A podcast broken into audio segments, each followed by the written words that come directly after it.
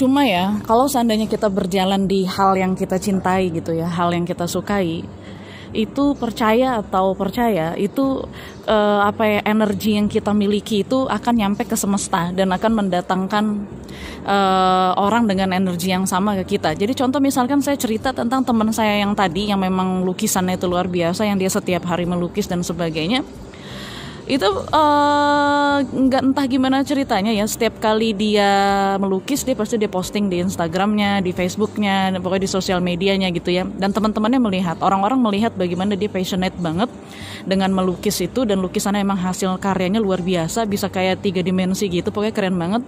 Sampai akhirnya uang itu yang datang sendiri ke dia tanpa dia menjual orang yang lihat tiba-tiba uh, menawar lukisannya atau menawarkan dia untuk ikut pameran. Bahkan dia diminta untuk uh, mengajar paruh waktu diminta seming, setiap hari sejam aja untuk mengajar seni lukis di sebuah universitas negeri di Indonesia gitu. Jadi ketika memang kamu berjalan dengan passionmu dan kamu yakin dan kamu happy dan kamu enjoy, itu sesuatu hal yang baik akan datang sendiri secara otomatis percaya atau kamu percaya dengan itu. Ya, kalau nanti karena saya seorang NLP practitioner, uh, bidang saya adalah mengenai energi dan juga kekuatan pikiran, bagaimana kita melempar energi ke semesta dan kemudian uh, orang lain menerima energi itu dari kita itu akan connect nantinya. Ketika orang melihat kamu berkarya kamu enjoy kamu happy dengan apa yang kamu lakukan itu kebahagiaan dan kebaikan tuh akan datang kembali ke kamu gitu ya yang penting kamu benar-benar enjoy. Karena ketika kamu melakukan dengan sesuatu dengan happy dengan enjoy orang lain bisa melihat dan merasakan itu dan itu akan datang dengan sendirinya. Saya punya teman yang hobinya punya kreasi puding gitu ya. Kreasi pudingnya itu luar biasa bagus bagus kreatif rasanya juga enak. Bahkan puding-puding yang dia bikin itu saya sendiri belum pernah nemu lihat di toko-toko kue ataupun di online yang bisa bikin seperti itu.